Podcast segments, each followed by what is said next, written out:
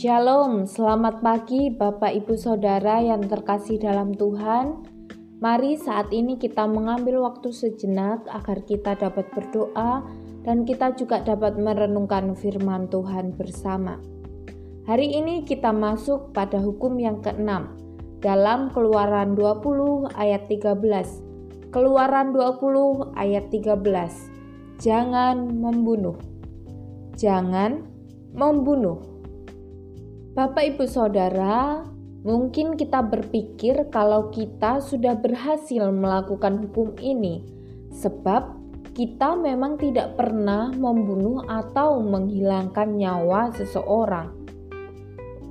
Bapak, ibu, saudara, ketika Allah memberikan perintah "jangan membunuh", yang Allah maksudkan tidak hanya membunuh secara fisik saja, tetapi yang dimaksud oleh Allah adalah agar kita tidak boleh menginginkan dalam pikiran atau kehendak kita, dalam perkataan dan tindakan kita untuk melukai diri kita sendiri atau orang lain.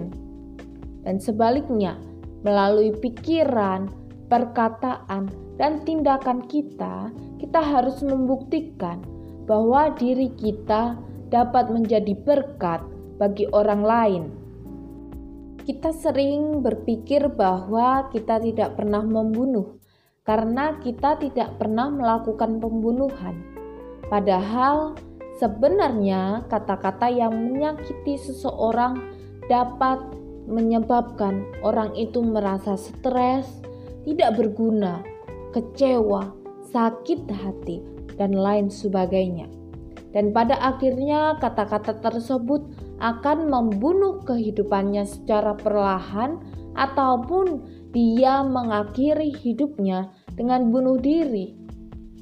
Tidak hanya melalui perkataan saja. Kita juga tidak boleh melukai orang lain secara fisik yang dapat membahayakan dan bahkan merenggut hidup orang lain dengan tindakan-tindakan nyata. Salah satu contohnya menggunakan kekuatan fisik untuk memukul orang lain. Bapak Ibu Saudara, Matius 5 ayat 21 sampai dengan 22 di situ Yesus memperjelas kembali mengenai hukum Taurat ini, yaitu jangan membunuh. Dan Yesus juga menerangkan akibat yang diterima jika melanggar hukum ini yakni bukan hanya dihukum secara hukum dunia, kalau di situ di bagian itu dituliskan dibawa ke mahkamah agama, melainkan juga secara spiritual. Dia akan dihukum bahwa orang itu harus bahkan pantas dihukum ke dalam penjara. Oleh karena itu, kita harus dapat mengontrol hati kita, pikiran, dan kehendak kita.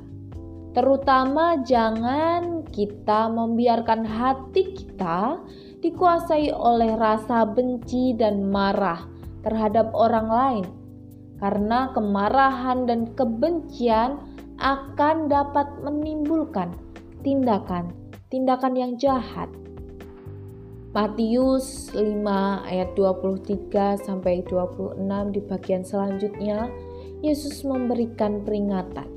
Jika ada seseorang yang mempersembahkan korban kepada Allah lalu ia teringat akan sesuatu di dalam hati saudaranya maka ia harus meninggalkan korban itu dan ia harus menyelesaikan ia harus berdamai terlebih dahulu baru ia nanti kembali mempersembahkan korban kepada Allah.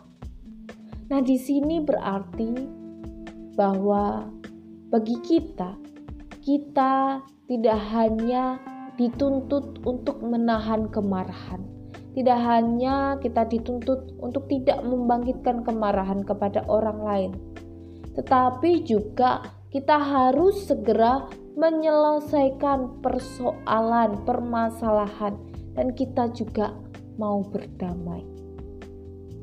Yesus memerintahkan agar berdamai terlebih dahulu sebelum mempersembahkan korban kepadanya.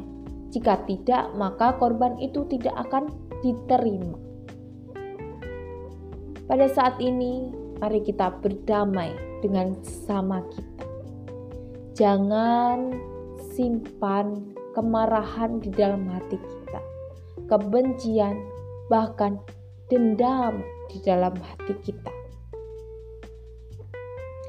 Jangan membunuh, jangan membunuh, baik dengan pikiran kita, perkataan kita, terlebih lagi dengan tindakan kita. Amin.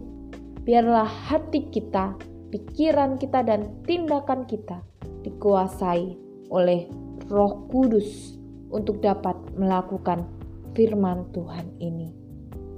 Tuhan Yesus memberkati.